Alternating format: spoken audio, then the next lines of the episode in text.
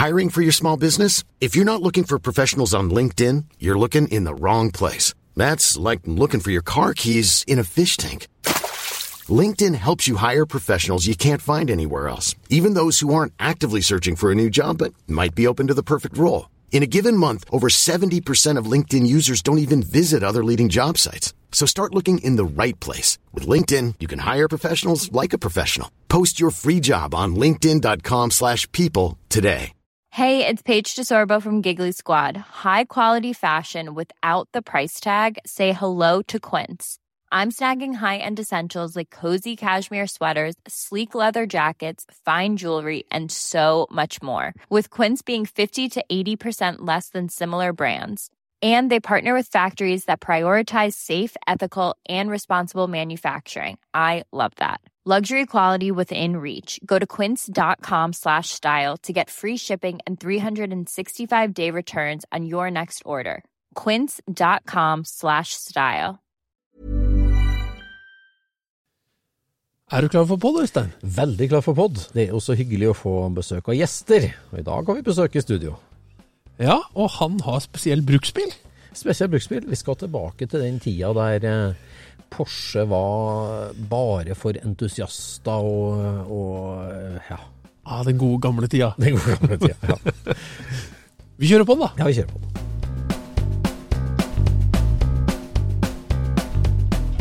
Du lytter nå til Scootspodden, en norsk podkast om klassisk bil med Jon Roar og Øystein.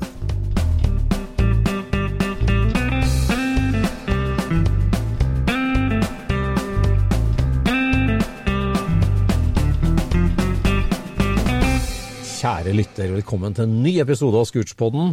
Og I dag har vi fått besøk av eh, en eh, ihugga bilentusiast. En, en som har vært med på Porsches utvikling i Norge helt siden den spede begynnelsen. En uh, autoritet på området. Odd Semstrøm, velkommen til oss. Tusen takk for det. Veldig hyggelig at du svinger innom Scootspod-studio. Jo, det skulle bare mangle. Jeg gleder meg. Nå er det jo vinter, men hadde vi vært i mai, så hadde du kjørt eh, bruksbilen din. Og det er ikke en helt vanlig bruksbil. Nei, altså jeg, jeg kjører Jeg har en, eh, en 64-modell 356 eh, SE, da. En all Sky Blue. Eh, og den er jeg veldig glad i, for den er veldig god å kjøre. Og, men han eh, er litt arrete av bruken, da. Ja. Eh, men det syns jeg bare er sjarmerende, og så får jeg heller eh, ta et lite røsk på karosseriet når den tid kommer. Men han er hel og fin innvendig og topp mekanisk. Ja, herlig. Så du har Porsche 356 som bruksbil, rett og slett? Ja, eh, det kan du godt si, for det, jeg bruker den fra eh, ja, april, i hvert fall april, og til november. Ja. Eh, hvis ikke det er noe helt spesielle værtyper. Eh, jeg kjørte også en vinter med den, men eh, det saltet er jo håpløst. Selv om du spyler med høytrykk eh, før du setter den inn, så det, det skal den slippe. Og så var det litt kaldt. Hva er det som gjør den til en så fin eh, bruksbil, da? Ja, det er eh, For meg så er eh, Porsche 356 en av de mer geniale konstruksjoner som er. For det er eh, Du har bra Hva skal jeg si traction. eh, Fin vektfordeling. En, en god styring som sier ifra hva som skjer. Og eh, ja, og så er det jo litt sporty bil, da. Det er ikke sånn mange hundre hestekrefter og sånn, men, men eh, jeg kan godt tenke meg at når disse bilene var nye på 50- og tidlig 60-tall, så, så var det ikke så veldig mye du kunne kjøre nedover på kontinentet med, eh, med raskere gjennomsnittsfart. Eh, du hadde jo Jaguarer og sånn, men de brukte jo mye bensin og slet dekk. Og her er- har du jo en lett strømlinjeforma bil med relativt liten motor, men som greier å holde da en høy marsjfart med lavt bensinforbruk og, og gode bremser og god styring og Nei, helt topp. Helt topp.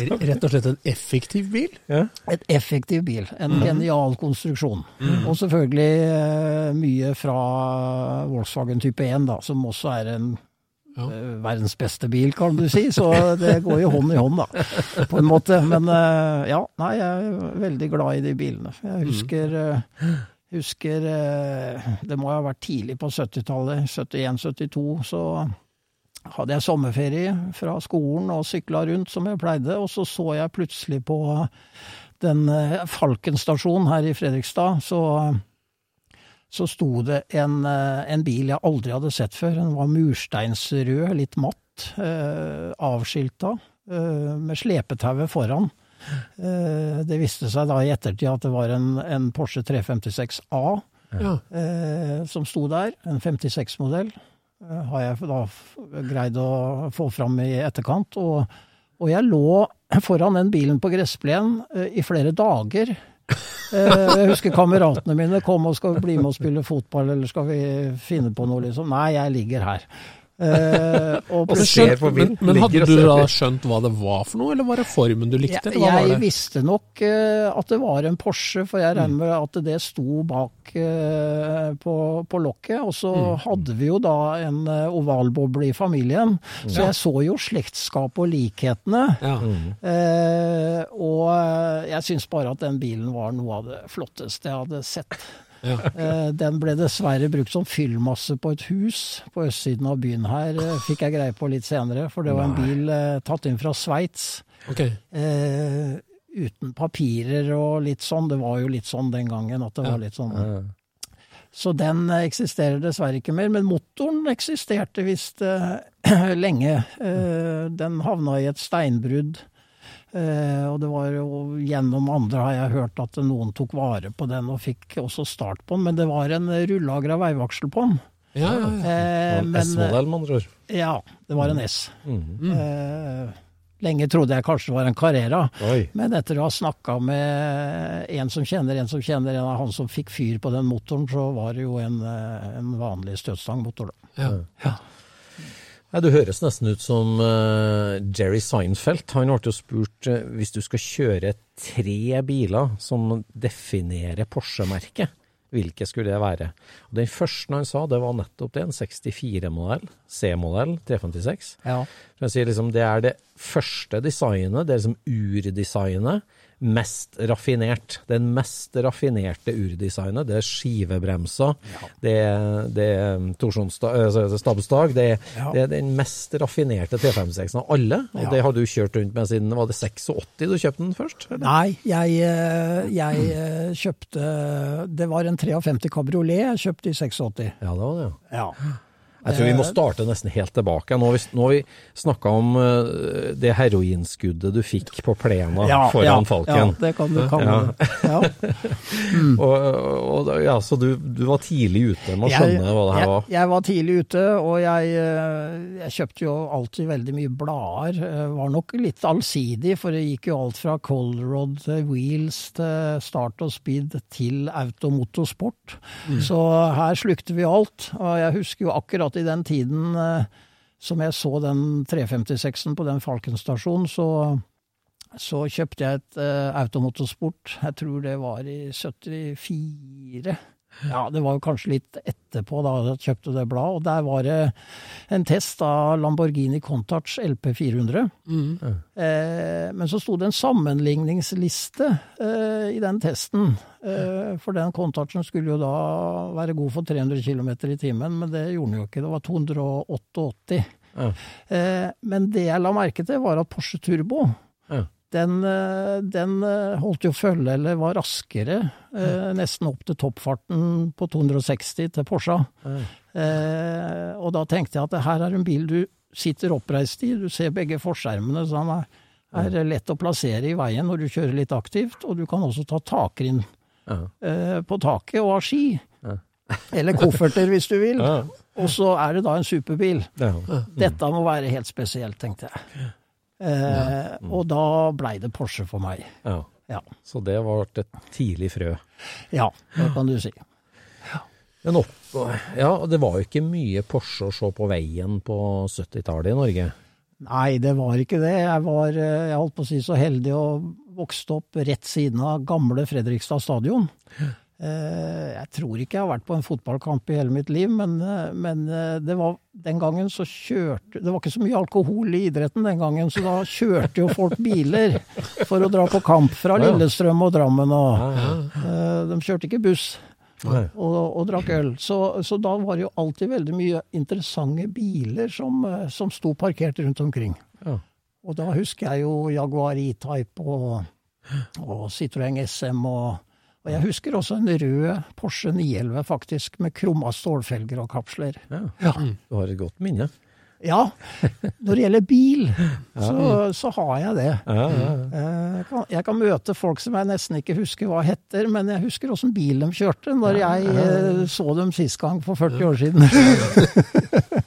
Men når du da får førerkortet, da eh, Ja, da er vi på ca. tidlig 80-tall, da. Ja, da er vi Ja, 81. Ja, 81. Ja.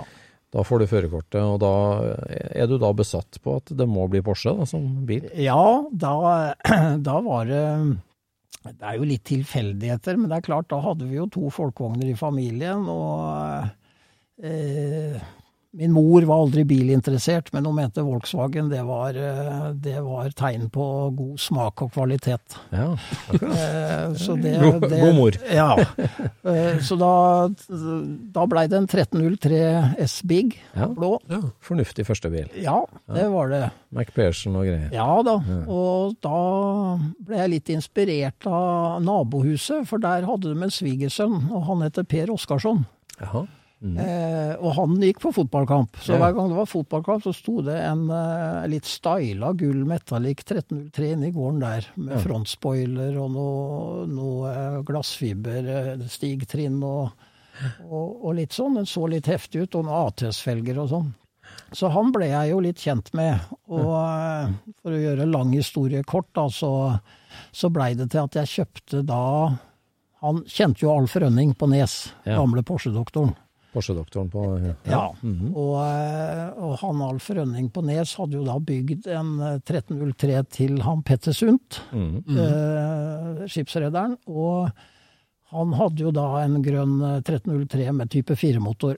Og jeg kjøpte jo da den første motoren han hadde, den 2 liter på 130 hester ca. Mhm. Eh, den skulle han bytte inn i en 2,4 liter, og da kjøpte jeg da den motoren via Alf Rønning, og ble satt inn i min bil. Eh, noen måneder eller et år etterpå ble det også satt inn en femtrinns girkasse. Oi. Oi. Og Recaro-stoler og hele pakka. Så den bilen var jeg veldig stolt av. Ja. Den syns jeg gikk utrolig godt, og hadde mye moro med. Ja, Men eh, den kjørte jo litt eh, ja, men kjørte jo litt mer enn en vedlikeholdt og sjekka olje og sånn, da. Så det blei jo noen brente stempler, og, eller hull i noen stempler og Ja. Det, så det var en tid som eh, eh, kosta litt penger, men det blei en erfaring rikere, da. Hvilken farge hadde du på den bilen? Den eh, 1303-en, den var, eh, den var jo blå, en blå Big eh, originalt, men jeg, eh, jeg lakkerte den rød. Det var da Audi Quatro kom, i den rødfarven der, og det var den som gjaldt da på 80-tallet. Så den ble lakkert da rød. ja. Men det, altså det miljøet der rundt altså Alf Rønning, Porsche-doktoren på Nes Ja. eh, ved Brumunddal Ja. eh, eh, det, det ble jo en slik sånn, hva skal jeg si, kultbevegelse rundt han på en måte da på, på 80-tallet der. Med, med, det var mye spennende som skjedde. Mye trafikk med trimming av biler. Og, Det var eh, utrolig mye.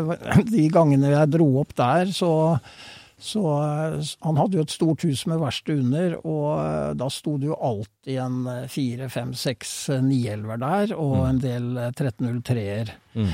Eh, og du kan tenke deg, den gangen så var jo kanskje de seks 911-ene var vel kanskje 40% av Porsche-bestanden i Norge. Så du kom da opp der på, på Innlandet, og så opp på den gårdsplassen, og du, du, kom jo, du var jo helt eh, i fistel. Du kom jo til himmelriket. ja.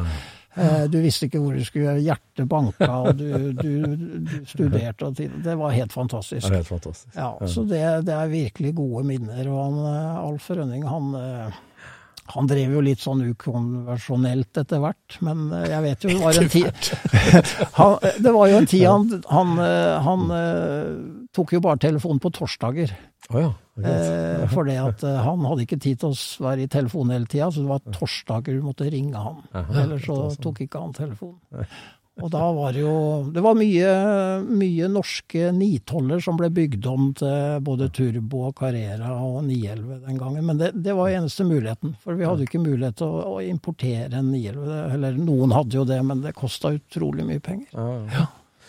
Ja, og mye seksere som fant veien inn i både 411 og 412 og, og Ja da. 1303. Vi hadde jo en veterinær og, med en sølvgrå eh, variant, 412, som, eh, som eh, Det var alt fra 2,2 S-motor på 180 hester, og på slutten så tror jeg det var en eh, Turbo 2-motor, 3,6 liter i den. Eh, bilen ble jo veldig rusten etter hvert, men eh, mange gode historier med han eh, Fogner, tror jeg han hette. Han kjørte mye i Tyskland og hadde en del dueller med BMW-er og Mercedeser med den gamle varianten der nede.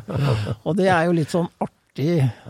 Alt dette her som skjedde i Norge med Porsche, folkevogn og Porsche altså, Alt var så dyrt, så hvis du skulle ha en Porsche, så måtte, kunne du gjerne sette på Porsche motor, girkasse og bremser på en folkevogn.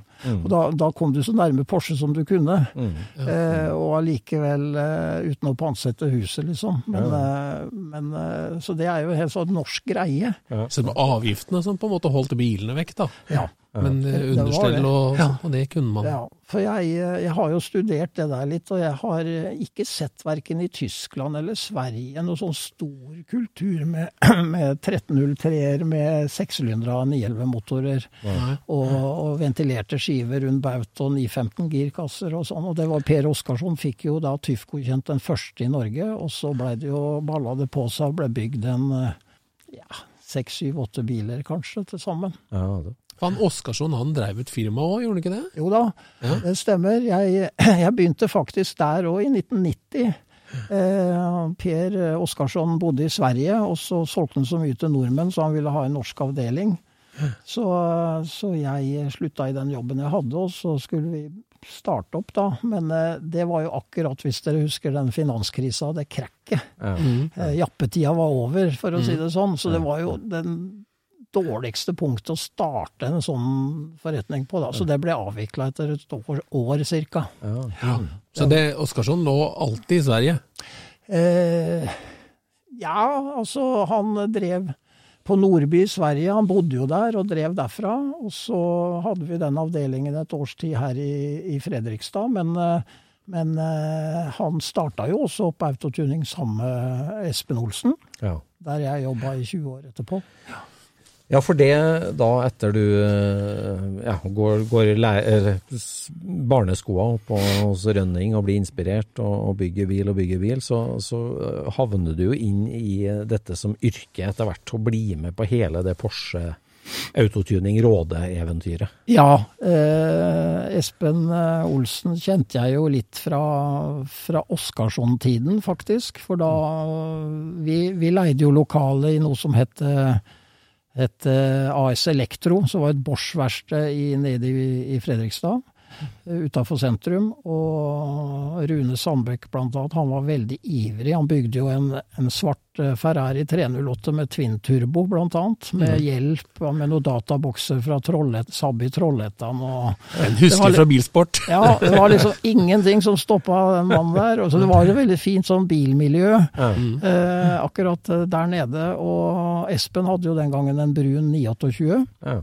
Eh, Så jeg kjente Espen litt fra den gangen. Og så eh, mange år senere så tok han kontakt og lurte på om jeg ville begynne i Råde. Ja. Og det sa jeg ja til, for jeg hadde jo hatt dette som interesse og hobby i, i, i alle år. Og trodde at dette kunne jeg liksom bare hoppe rett inn i, men, eh, men da begynner lærings, læringskurven.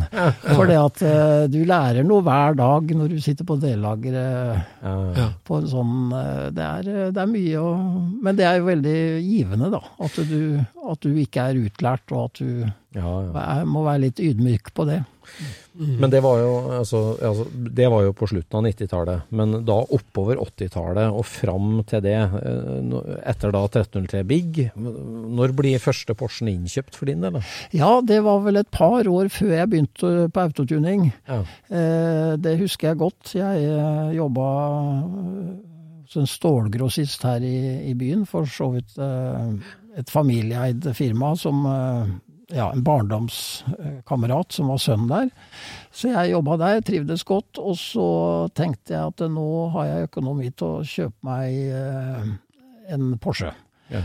Eh, og da skulle jeg egentlig eh, Jeg ville jo ikke svelge over for mye, så jeg skulle egentlig ha en 914. Ja. Og så så jeg i Aftenposten så så jeg en eh, YA-registrert uh, oransje to liter 100 med Fox-felger og, og sportspakke og alt, som uh, sorenskriveren i Svolvær hadde eid. Kjøpt En ny. 914? Ja. Eh, og eh, han hadde dratt på ferie til Spania hvert år og kjørt innom fabrikken eller et eller annet sted i Tyskland og hatt service på den bilen. Så den hadde norsk historie. Dansk spesifikasjon med disse runde eh, Posisjonslysa? Ja. posisjonslysa ja, som danskene hadde. Og jeg tror eh, Møller fikk de dansk-spesifikasjonsbilene. For eh, den så sånn ut. Så den ble annonsert i Aftenposten? den ble annonsert i Aftenposten for 70 000 kroner. Ja. Og jeg kjører inn til, til Bærum og ser på den bilen og prøver den. Og, eh, og siden av så står det en knall gul eh, 72 TE, da. Ja. Eh, amerikansk utgave med, med innsprøytningssystem, Kugelfischer. Grønne ruter, aircondition. En 911. 911. Mm. Eh, svart interiør. Den sto til 90 000. Oi. Men var det en forhandler, da? Det Nei, det var en eh, Nå husker jeg ikke navnet på han, men han var litt i Porsche-miljøet, og er kanskje det ennå, for det jeg vet. Men nå er vi midt på 80-tallet, nå? eller? Nei, nå er vi Jeg begynte hos Espen i 99, så da er vi Ja ja, altså, vi er Nei da, vi er i 97, tenker Ja, okay. jeg. Mm, Ja. I hvert fall så blir jeg litt, eh, er jeg litt treg på avtrekkeren med den I14. Jeg venter eh, en dag for mye, så den blir solgt. Ja. Men så så jeg jo den 911 som sto der til 90 000, da. Jeg tenkte at 911 var litt uh, over min uh, At ikke jeg hadde råd. Men uh, så blei det den. Den har jeg ennå. Den har du. Men den òg har jo jeg da, typisk meg, jeg bruker jo bilene mine. Ja. Så jeg bruker dem jo opp. Så den står jo her inne nå delvis demontert, og det er han Thomas som må ta karosseriet litt etter hvert på den. Ja. For den har du kjørt med piggdekk og Ja. året rundt, du? Ja. Den har jeg kjørt med piggfrie vinterdekk og, og eh, kjørt året rundt. Eh, dum som jeg er. Og det var jo en California-bil, så da var jo eh, bakrutelista blant annet veldig tørr. Sånn at når jeg eh, en eller annen gang skulle holde på inne i bilen og tok ut hatthylla, så var det jo en svamp av fuktighet under den lydisoleringa der. Og på den veien gikk det, da. Men eh, gulv og kanaler og sånn er bra. Men eh, det er enkelte sånne steder som er eh, veldig dårlige. Men jeg har kjøpt nye, originale bakskjermer og forskjermer, og, så alt ligger klart. Men eh, det er en liten jobb å gjøre der òg. Ja. Ja, så Det var på 90-tallet og 911, ja, men du hadde jo Porsche før det, hadde du ikke det? Du kjøpte jo Jo, jo, det stemmer. Eh, det stemmer. Jeg, eh, etter den derre Hva er det du kalte det på gressplenen der? Dop... eh, Ja, heroinskuddet. Eh, det- Heroinskuddet eh, på den Falken stasjon. Du blir hekta, vet du. Ja, så, så var det jo liksom eh, Var jeg veldig fascinert av disse 356-ene. Og eh, jeg skrev et brev Nei, det gjorde jeg ikke. Jeg satte inn en annonse i det svenske automobilblad Ja, at eh, Porsche 356 ønskes kjøpt. ja akkurat. Og da, nå, nå er vi på 80-tallet. Ja, dette var antagelig 85, da. Ja. Eh, Så da er du meg. ung kar med førerkort, kjører villmann med 1303 Ja. med type 4-motor baki, Det stemmer. og tenker at nå skal jeg realisere Porsche-drømmen. Ja. Ja. Helt riktig. Og da får jeg eh, Ja, dette, jeg skulle jo tro det var 100 år siden, men da får jeg et brev Ja. fra Bengt Alsed, som var formann i Porsche 356-klubben den gangen. Legendarisk. kar. Legendarisk kar. Ja. Eh, Et hyggelig brev, og han hadde jo tre biler som han kunne tilby. Ja. Eh, og hvis ikke jeg husker feil, så da var det da, var det da den 53-modell kabrioleten. Mm. 1500 Super, eh, restaureringsobjekt. Og så var det en kjørbar eh, 57A med original soltak. Oi, oi. Eh, litt rufsete, men kjørbar. Og så var det en, eh, en C, eller SC, eh, som var veldig fin. Ja. Du skjønte det at det var lurt å gå til Sverige da, selvfølgelig for 356? For det var ikke så mye å velge i Norge? Nei, det var ikke det, vet du. Eh, det var ikke det, så jeg, jeg visste i hvert fall at det, Sverige var et mye større marked. Ja, ja. Eh, så, og de har jo alltid hatt mye Porscher òg, så, så såpass var jeg nok. Ja. Og da blir det sånn at jeg og, og en kamerat, vi, vi kjører nedover til, eh, til Høganes nede i Skåne. Eh, inn på en sånn vindmøllepark, holdt jeg på å si. Eller sånn, sånn vindmøller som er der nede, inn på en gård. Og inn på et lager der så, så, så møter vi jo da Bengt på veien, og så kjører vi dit. Og så ser vi på disse bilene, og jeg faller jo pladask for den tidlige bilen. ja, så bra. Det objektet. Ja, ja, ja. ja. Eldst er best. Ja. Så- til og med den gangen Jeg, jeg, jeg tror og mener å huske at han Bengt var litt overraska. Ja, Jeg var jo en relativt ung mann, ja. eh, og han tenkte vel kanskje at her er det en som vil ha en kjørbar bil og kjøre litt rundt med med en gang, liksom. Men, eh, men jeg falt pladask for den, eh, den kabrioleten som sto der, da.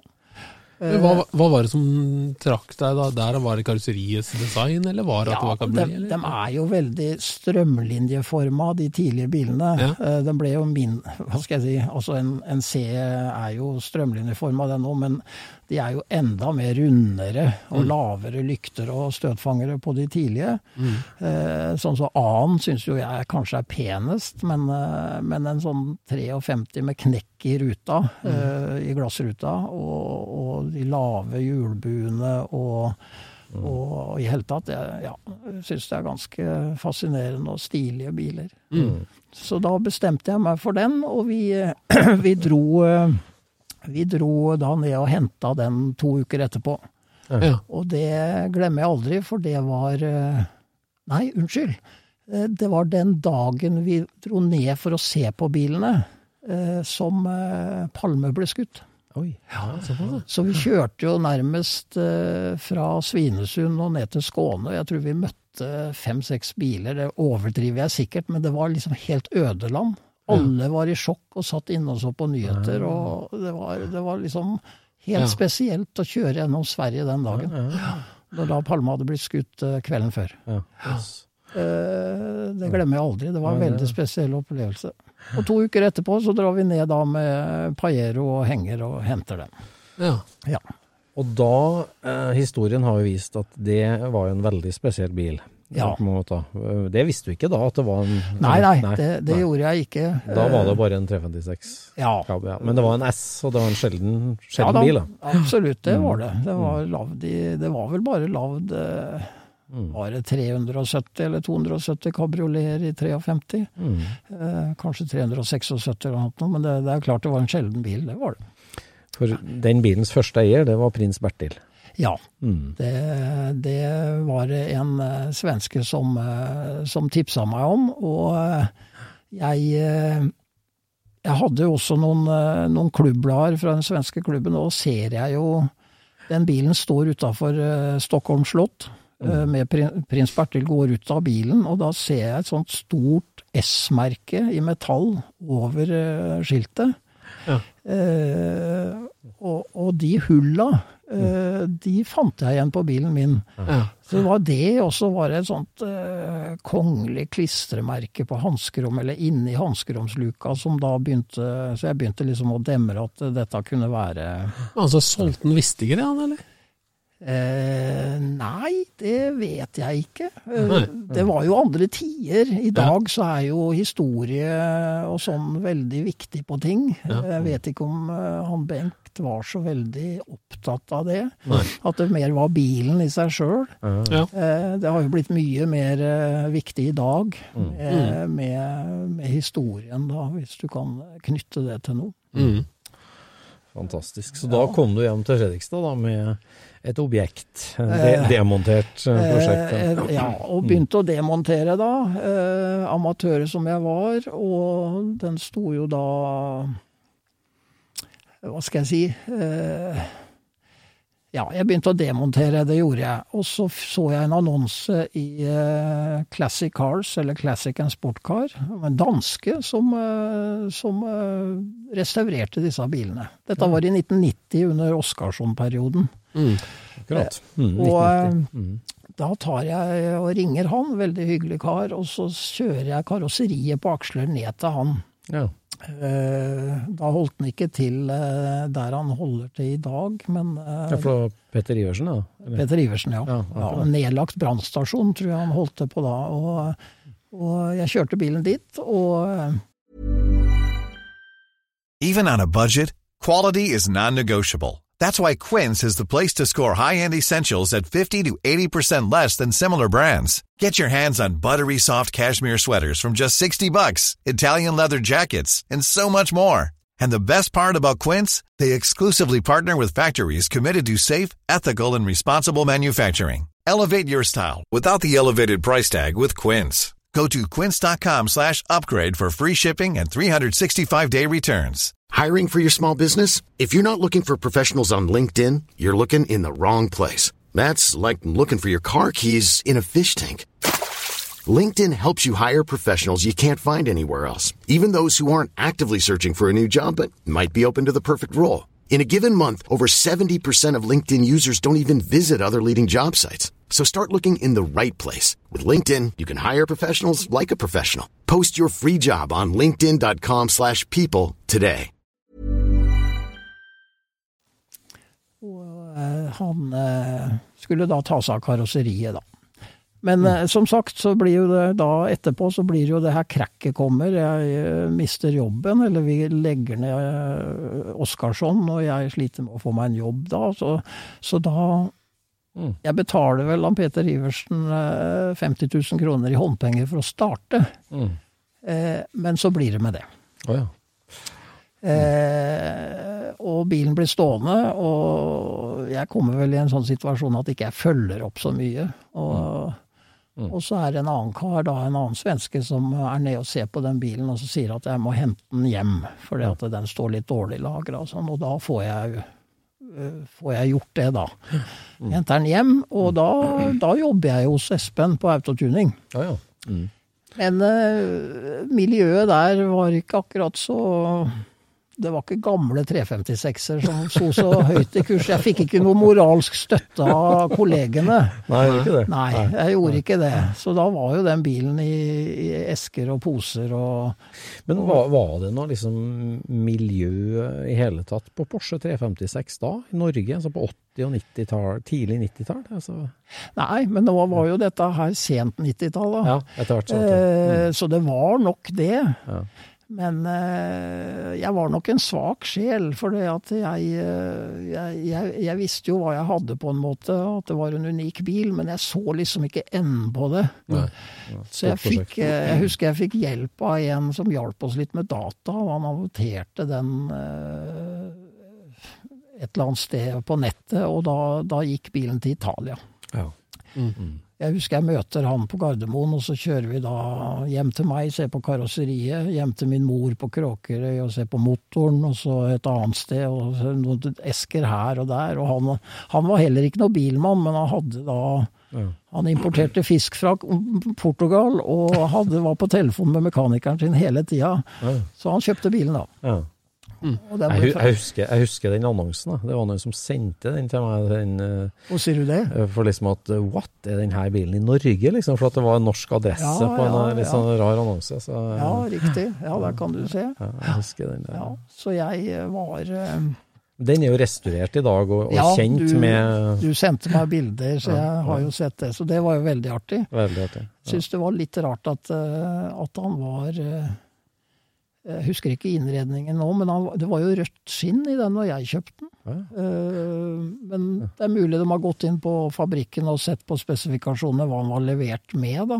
Jeg regner jo med det, nesten. En restaurering i den klassen der, så gjør det vel ikke noe tilfeldig. Men det blei en litt annen farvekombinasjon enn det jeg trodde han hadde originalt, da, i hvert fall. Så, Ja, Prins Bertil hadde jo mange spesielle biler, han, men også da 53 Porsche Cabriolet. Ja, det var vel den første han hadde, tror jeg. Så- Og så hadde han jo mange Porscher opp igjennom, og alle var blå. Ja. Men Så da gikk du da fra 356 til 911 der da, på slutten av 90-tallet? Ja, jeg, eh, jeg hadde jo den, eh, jeg hadde jo den eh, gule ølklappen, den 72-en, hadde jeg jo når jeg solgte den. Tre. Og du hadde det, ja. ja? Da, ja da, for den kjøpte jeg jo i 67, nei 97. Mm. Og den 53 caben solgte jeg jo mens jeg jobba for uh, Espen, så den solgte jeg vel kanskje i 2000, 2001. Ja, ok. Ja. Mm.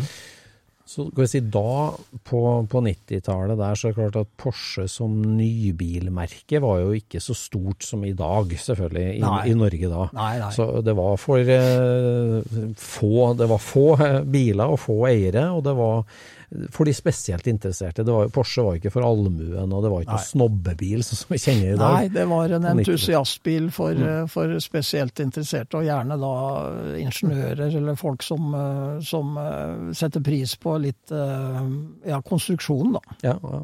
vil, eh, tenker jeg. Ja. Mm. I hvert fall var det sånn på 60, 50-, 60-, 70- og 80-tallet. 90-tallet vet jeg ikke. Jeg har en, jeg har en eh, prisliste fra Bertil og Stenhjemme, og da koster jo en eh, 944 eh, 800 000 Oi. i 89.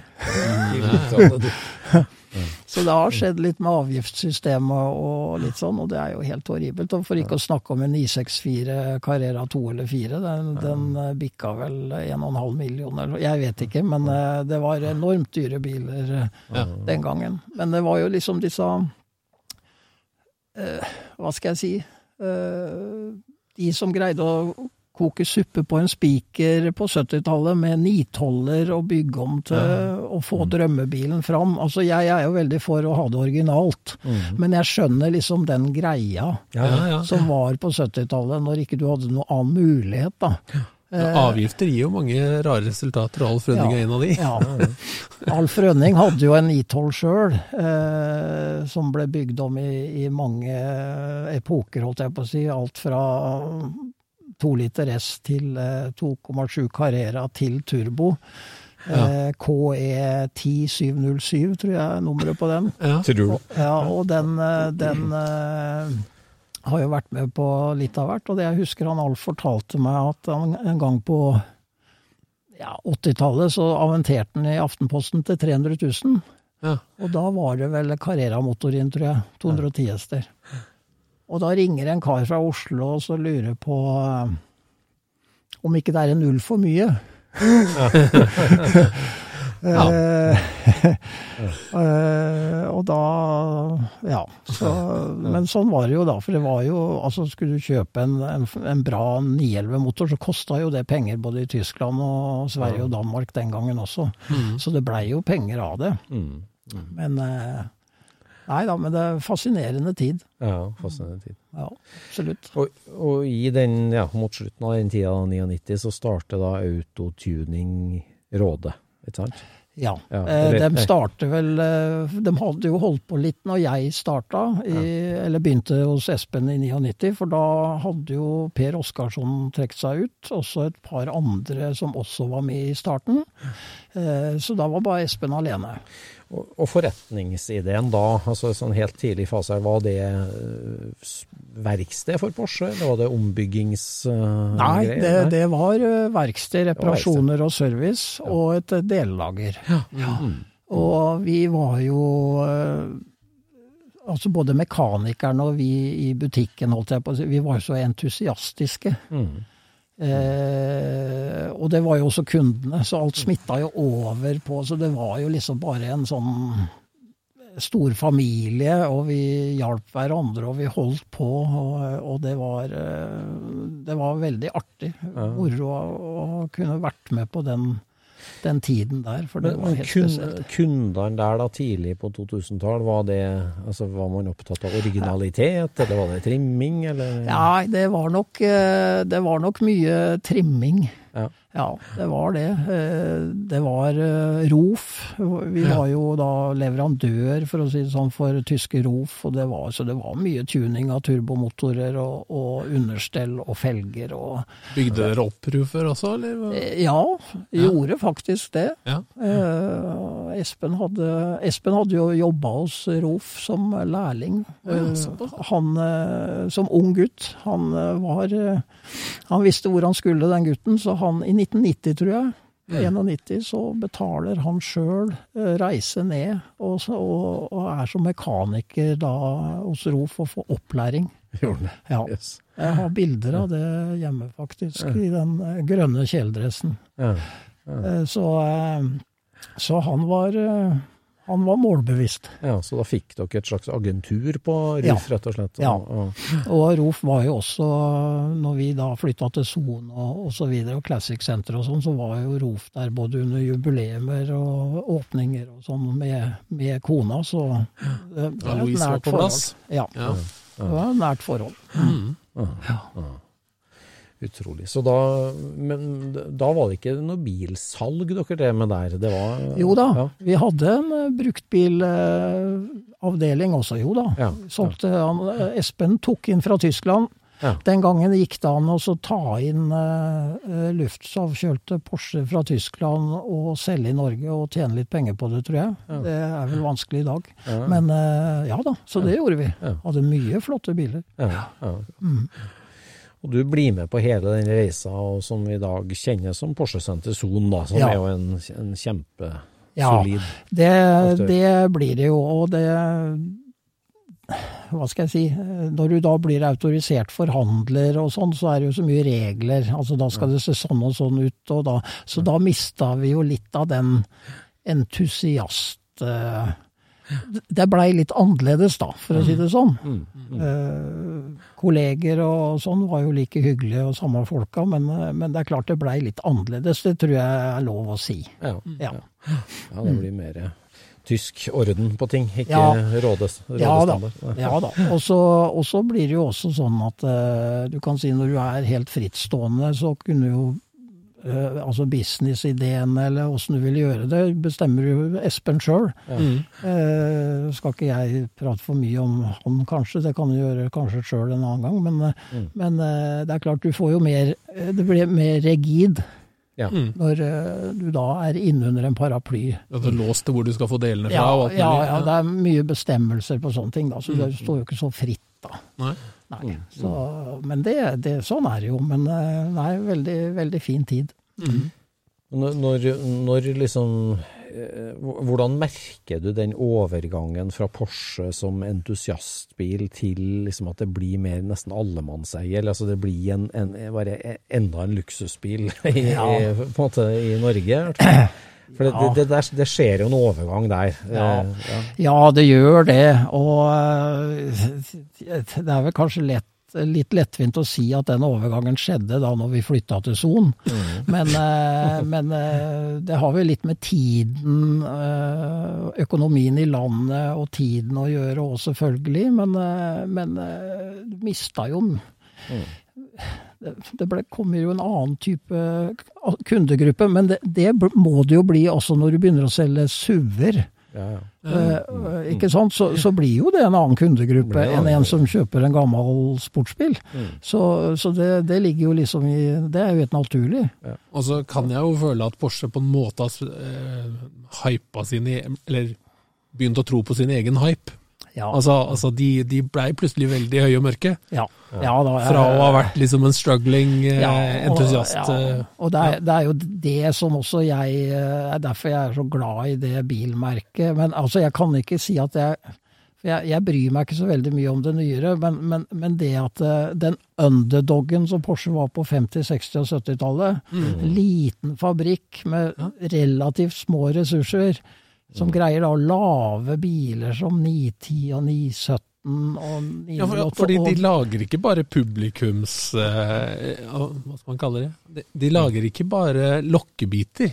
De er opptatt av å lage ordentlige ting. Ja, Mm. det var i hvert fall det. Altså, Ikke publikumsfrieri, sånn som det er i dag. Nei, nei, nei. Nei. Det, det, det, det var jo hva den lille fabrikken fikk til. Og jeg har, jeg har lest en del bøker, jeg har alltid kjøpt mye blader, men eh, de siste åra så Det er bøker liksom, så du får litt mer sånn eh, grunnleggende kunnskap om ting. Og jeg syns det virker som eh, Porsche-familien, eller Porsche-folka, er jo ganske sympatiske mennesker også.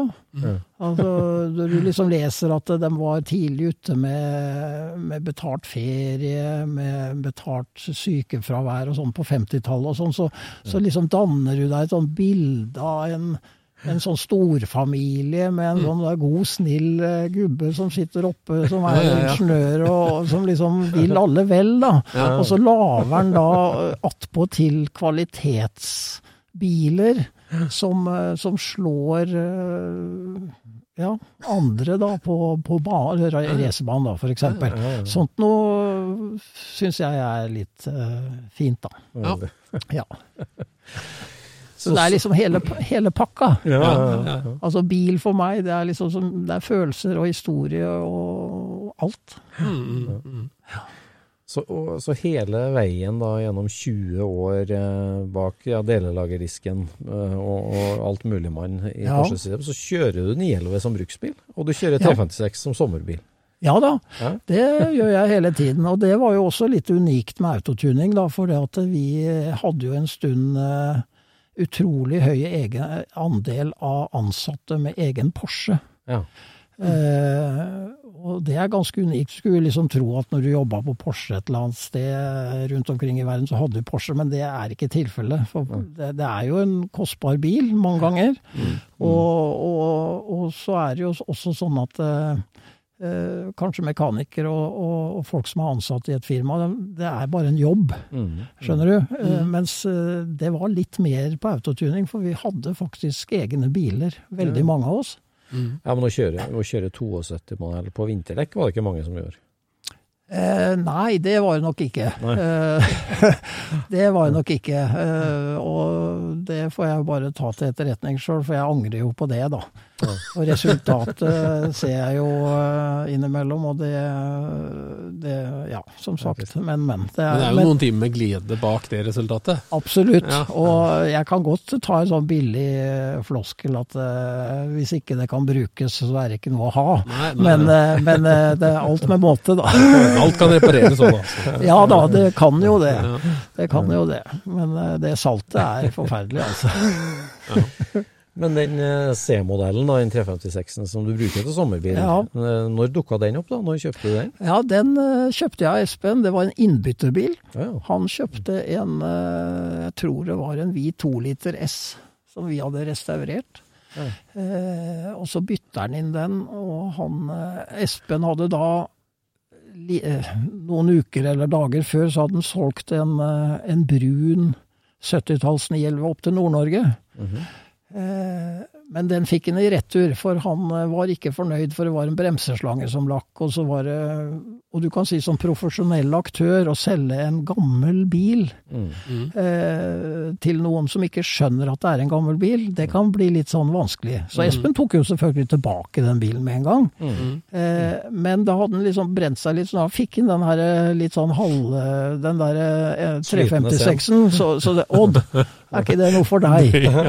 Jo da, det ser fin ut den. Ja, så kjøpte jeg den av Espen da, for da var han litt sånn lei, og så, og så fikse opp litt sånn halvgamle biler og selge videre, og så er det en oljelekkasje, og så Ja, så var så jeg var litt heldig der, da. Ja. Og den satte du i trafikk med en gang, da? Ja da, den hadde jo et C-bringanledd bak, og så mangla han støtfangere, men dem fikk jeg med. Ja. Så dem satte jeg jo på ganske fort, for jeg syns en 356 uten støtfangere syns jeg faktisk ikke er noe pent, men det er jo en smakssak. Men, eh, men eh, så satte jeg på et vanlig sånn sportspotte, også et eh, Carrera 2-skjørt Ja. bak. Så, så, den, eh, så den er jeg veldig fornøyd med. Ja. Nettopp. Så den, eh, den har vært god. Og den har, jeg brukt, den har jeg kjørt mye. Vi hadde jo, vi hadde jo en firmatur til, til Stockholm rett før jeg ga meg, eller et par år før jeg ga meg. Og da skulle vi ligge på et slott utenfor Stockholm og ha litt god mat og drikke. Og da skulle vi kjøre til Stockholm, da. Og de som ikke hadde biler Porsche sjøl, de skulle da låne demobiler. Ja. Eh, og så lurte de på hva jeg skulle. Nei, jeg tar jo bilen min, sier jeg. Ja. Skal du kjøre den til Stockholm, sier de. Ja, selvfølgelig, hvorfor ikke? Ja. Ja, de tok med slepetau i de sakka i endene og noen deler og greier. De hadde ikke noe tro på det. Men eh, den gikk i 140-50 nedover uh, sammen med de andre.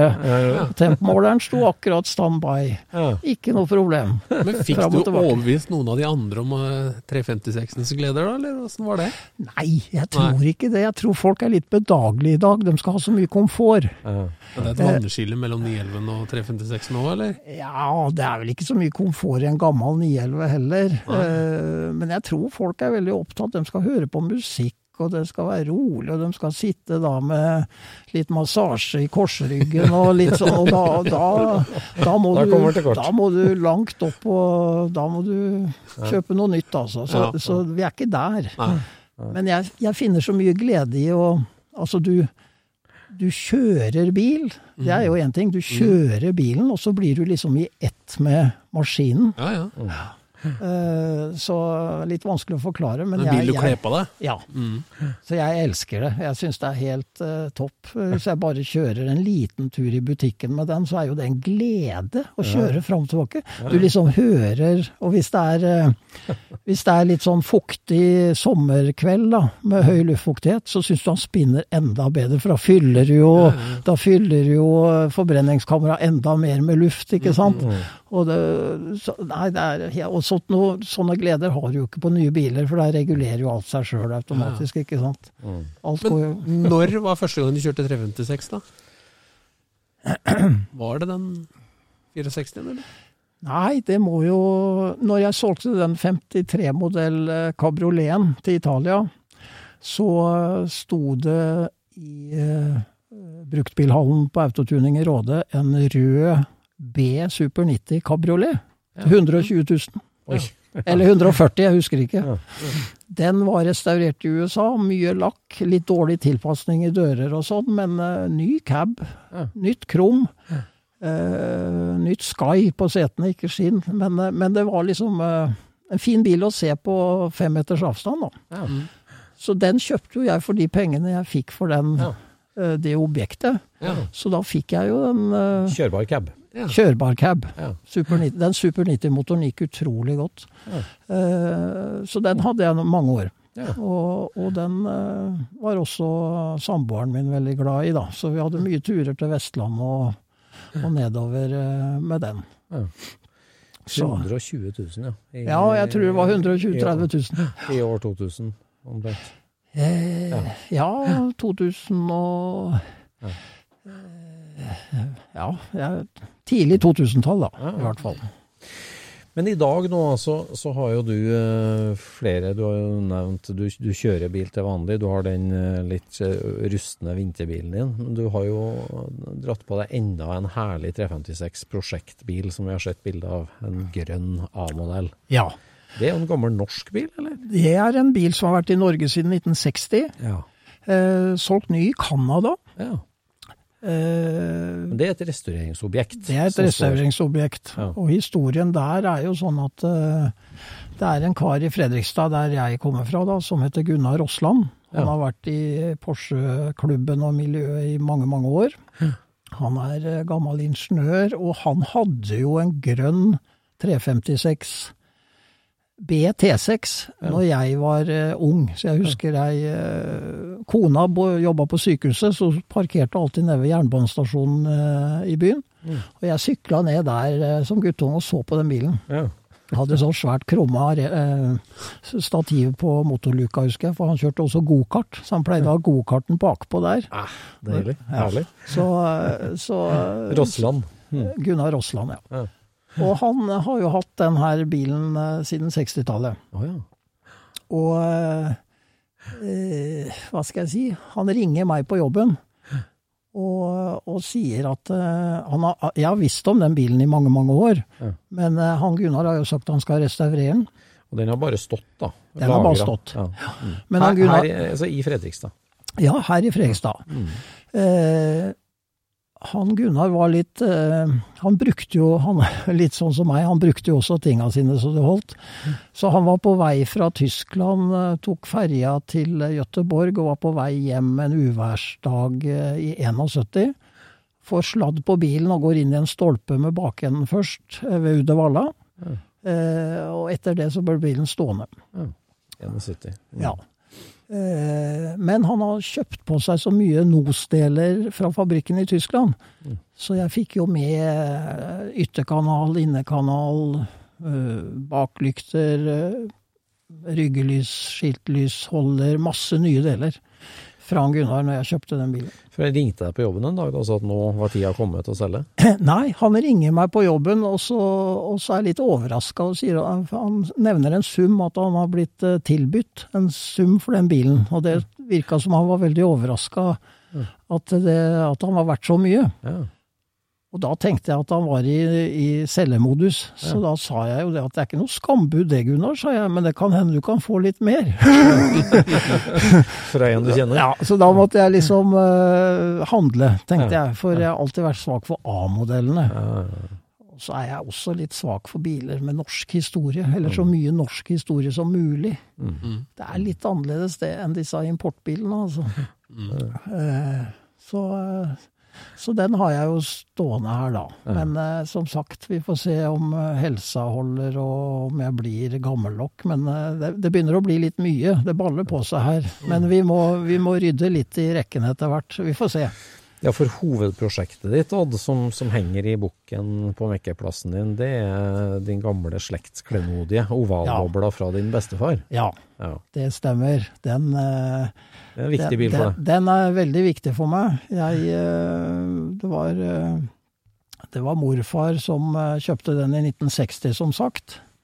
Han uh, jobba på Årdal og Sunndal Verk, er Hydro Aluminium nå, og innerst i Sognefjorden.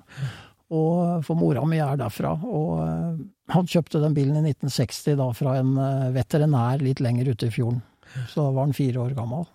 Men han var veldig nøye og, og ordna til ting og, og, og hadde sine egne ideer på mye rart. Men han, eh, han stelte på den bilen, men han døde av kreft i 67.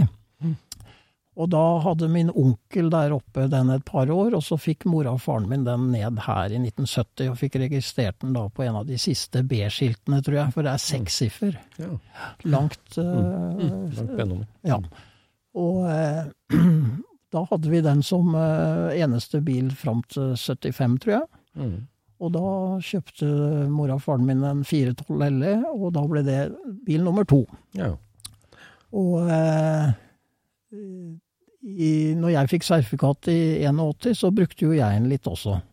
Og jeg husker en, en solskinnsdag, holdt jeg på å si, en kald eh, marsdag. Jeg var ute og kjørte med en kamerat, og så kjørte jeg han hjem, og så skulle jeg hjem, og da går jo bremserøret ned ved pedalene, typisk. Ja.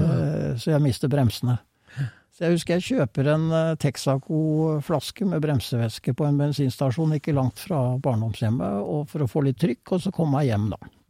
Og da var ikke faren min så blid. Men eh, det som var litt artig, var når jeg fant tilbake bilen for fem år siden, så sto den Texaco-flaska eh, nede ved reservehjulet foran i bagasjerommet ennå.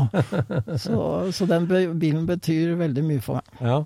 Så den ble solgt ut av familien da, men så spora opp den igjen og fikk den tilbake? Ja, og, han ble jo Skal ikke gå så mye inn på det, men det ble ikke, han ble ikke solgt ut av familien. Men det blei sånn at uh, min, faren og mora mi skilte seg. Uh, og mange år etterpå så fikk faren min en ny venninne. Ja.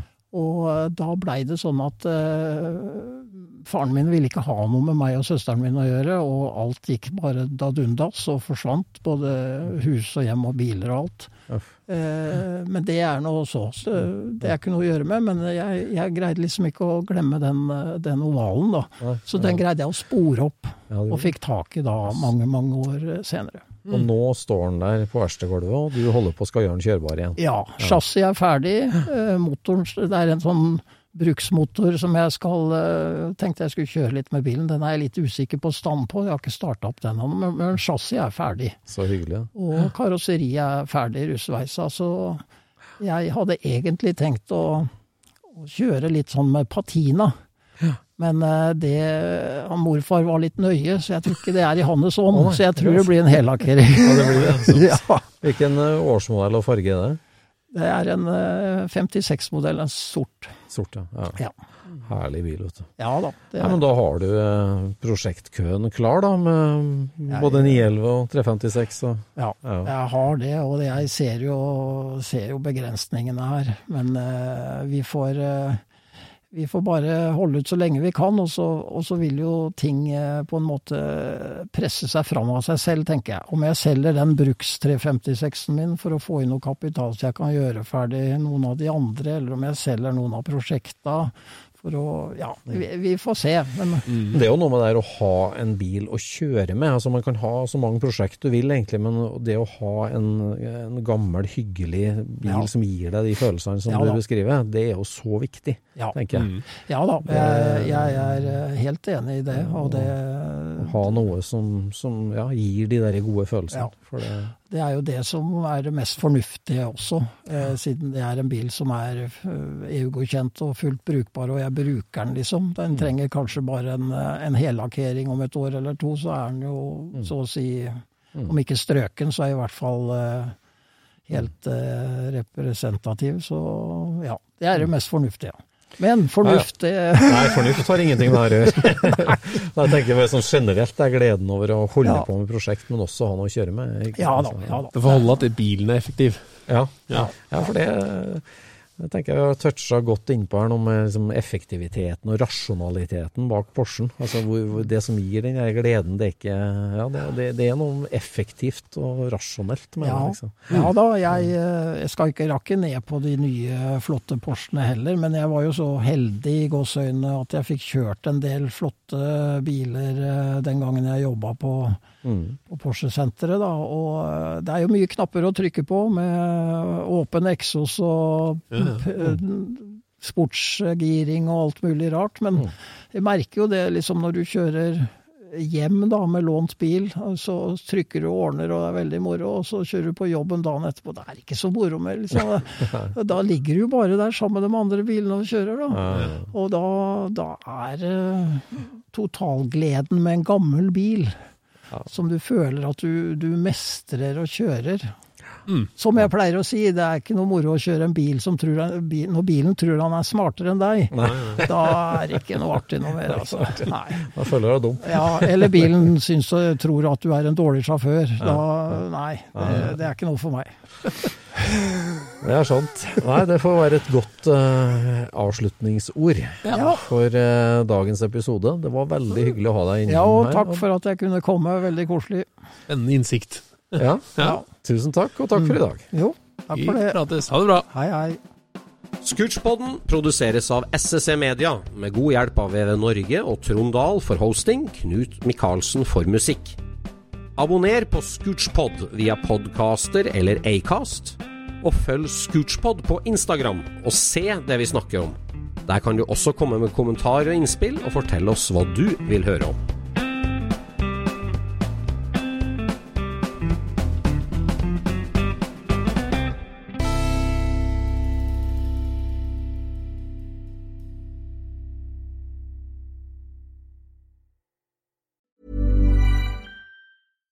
Hey, it's Paige DeSorbo from Giggly Squad. High quality fashion without the price tag. Say hello to Quince.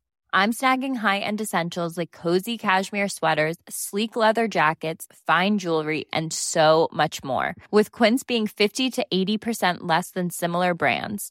And they partner with factories that prioritize safe, ethical, and responsible manufacturing. I love that. Luxury quality within reach. Go to quince.com slash style to get free shipping and 365 day returns on your next order. Quince.com slash style.